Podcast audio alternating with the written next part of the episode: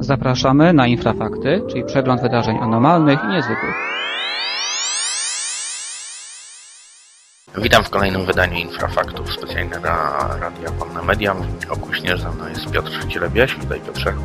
Witam. Dziś chcielibyśmy powiedzieć, ponieważ nie mieliśmy zbyt wielu wiadomości, ale e, dotarły do nas e, zdjęcia z Holandii zrobione przez e, tamtejszego ufologa, które obiegły już internet. Zresztą one nie są nowe, już pamiętam, że je widziałem jakiś czas temu. Chodzi o zdjęcia pana Van Brecke i dostaliśmy pytanie, jak my je oceniamy. Cóż, no tutaj w radiu trudno jakby to opisać na pewno znajdzie się ten temat na forum i zresztą chyba już jest tej chwili. Natomiast e, cóż, e, to chyba jest jakieś takie zupełne nieporozumienie, prawda Piotrze?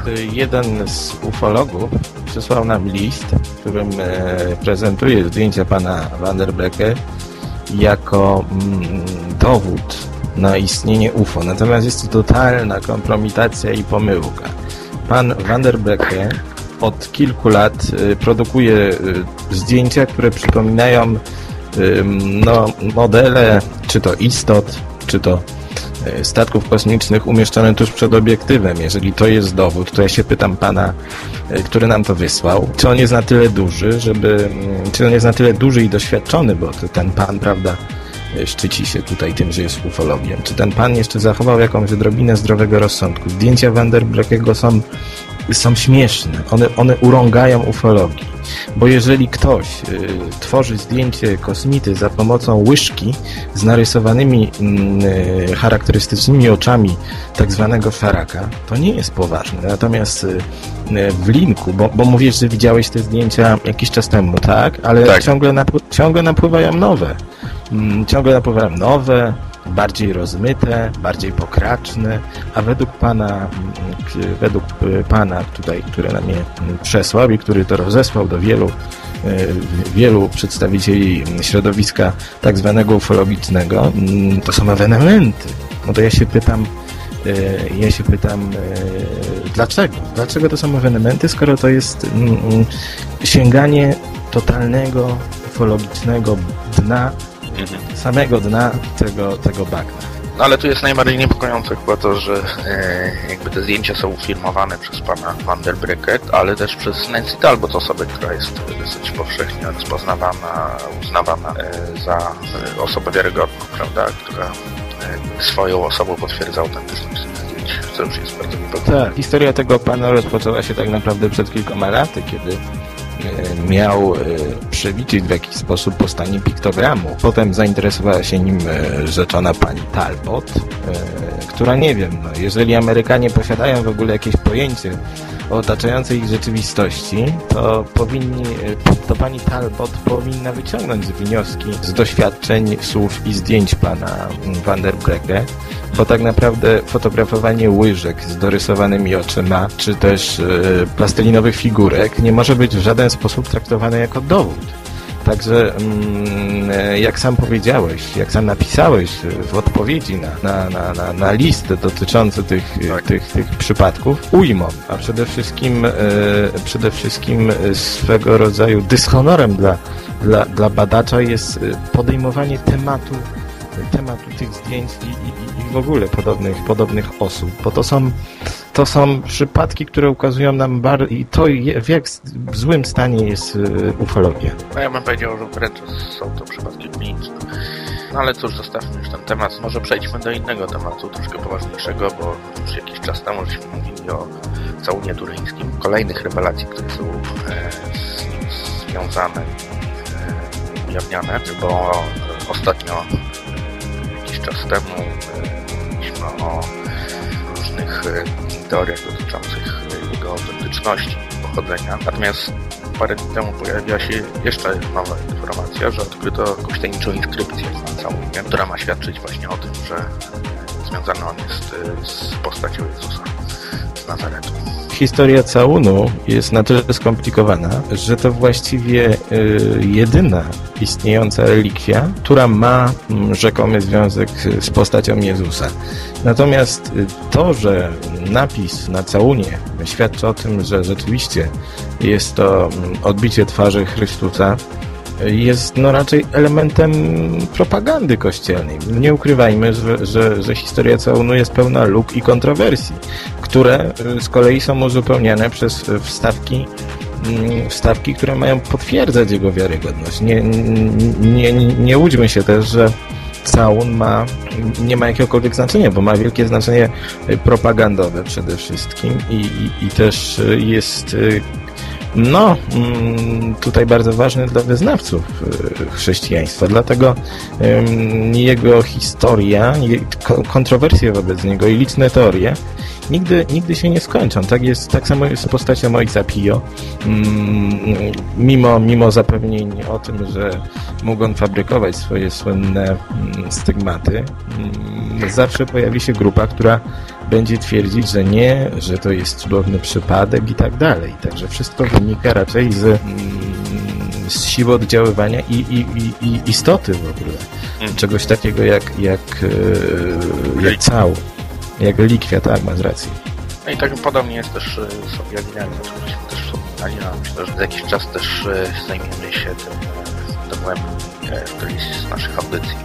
Tak, jeszcze dodajmy może, że całkiem niedawno pojawiła się teoria mówiąca, że całun turyński był do podrobienia w okresie, w którym według naukowców powstał, czyli w, w, w późnym średniowieczu. Tak. Natomiast y, inni y, z kolei twierdzą, że w oparciu o jakieś tam badania, jakiś tam cząstek całunu, doszli do wniosku, że no, to niemożliwe, że on jest znacznie starszy i pochodzi, prawda, z, y, rzeczywiście z Ziemi Świętej. Natomiast no, gdzie leży prawda tak, tak, tak w rzeczywistości? No tego nie wiemy, ale wszystko przemawia za tym, że całun jest po prostu jednym z, z, ocalałych, y, z ocalałych relikwii i mm, przypisywana mu wartość y, może w rzeczywistości być y, zupełnie inna. Tak, no ciekawe właśnie jak to się rozwinie cała ta historia, bo całun cały czas jest badany, zresztą będzie wystawiany na publiczność w przyszłym roku, nie mylę. Bodajże, bodajże tak i to chyba mm, te wszystkie teorie, które zaczynają się, prawda, wyłaniać na światło dzienne, związane są właśnie z tym, że po raz kolejny będzie on eksponowany. Dokładnie. Teraz może przejdźmy do jeszcze innego tematu, który się pojawił w tym tygodniu. Chodzi o Chile i o y, odkryty tam rysunek naskalny przedstawiający jakąś y, twarz, y, owalna twarz. Wiele osób od razu zaczęła tożsamiać jakby ten wizerunek z e, postacią obcych. E, co możemy o tym powiedzieć? Jest to niewątpliwie dziedzictwo Denikena, mm, bo no, zakraja na absurd twierdzenie, że każdy rysunek fantazyjnej istoty musi przedstawiać kosmitę z zasady. Twierdzenie to no, równa się, mm, prawda, z, z, z pozbawieniem e, ludzi, naszych przodków, tak. jakichkolwiek zdolności artystycznych, czy zdolności, prawda, abstrakcyjnego myślenia. Czy też nawet ja... technicznych, bo jeśli tak, tak. więc to ja ma się odnieść do piramid.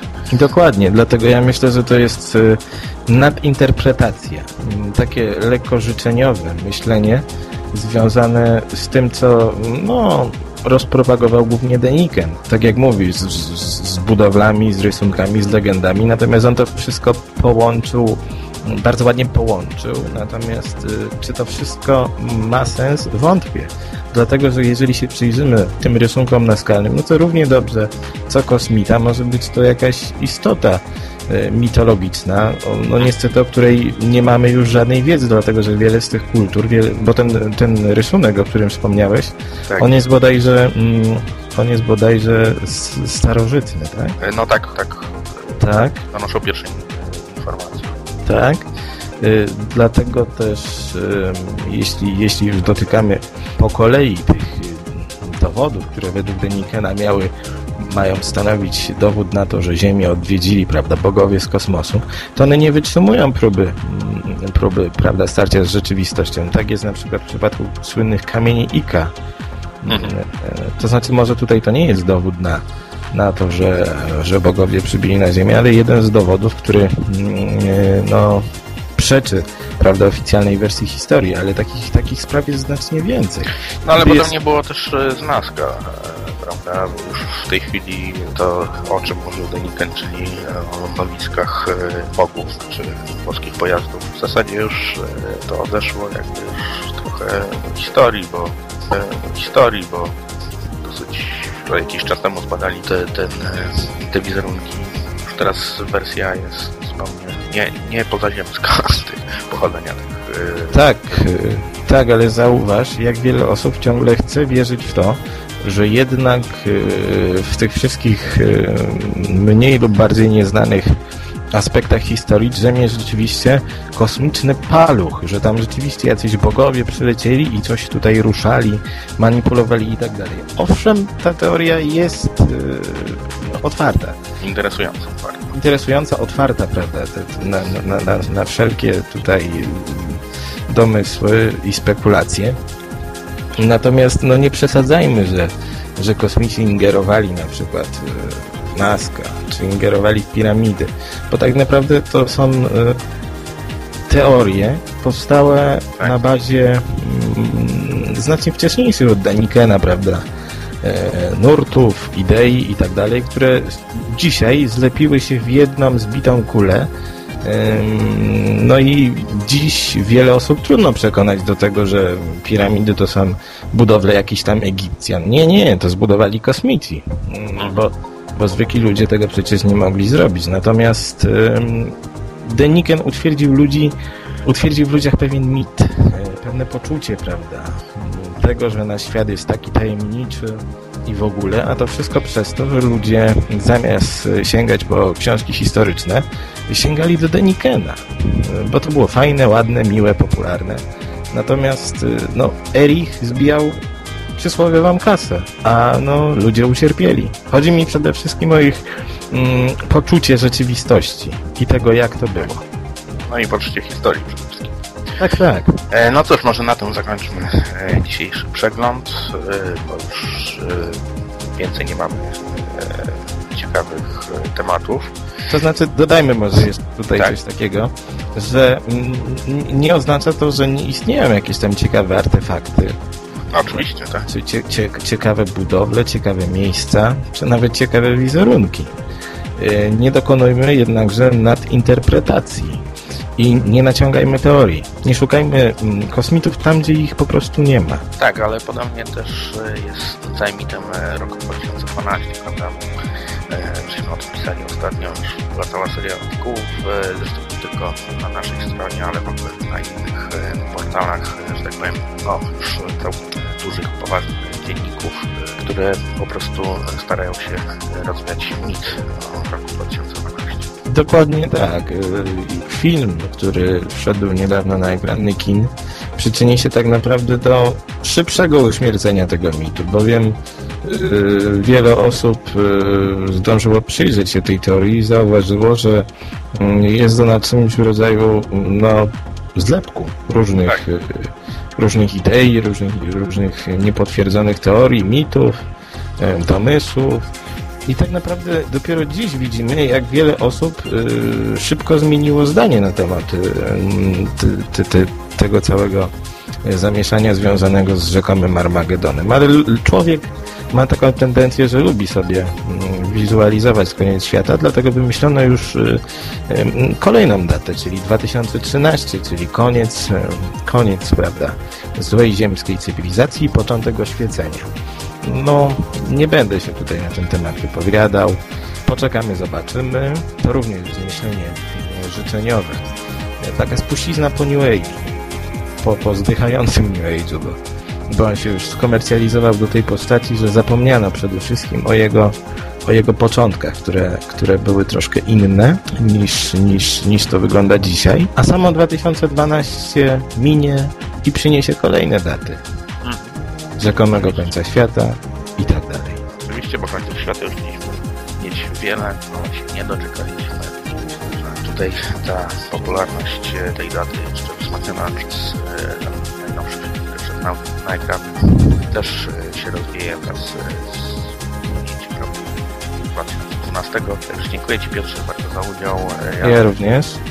I przypominam jeszcze o dacie 28 listopada 2014 w klubie Terawu w debata Adrianem Zwonickim e, z naszej grupy Infra, a Konradem Mierzakiem z Polskiego Towarzystwa Studiów Spirytystycznych na temat duchów. Także wszystkich zainteresowanych bardzo zapraszam. Dziękuję Piotrze jeszcze raz i do usłyszenia za tydzień. Wysłuchaliście programu Michała Kośnierza i Piotra Cielebiasia, realizacja Grupa Infra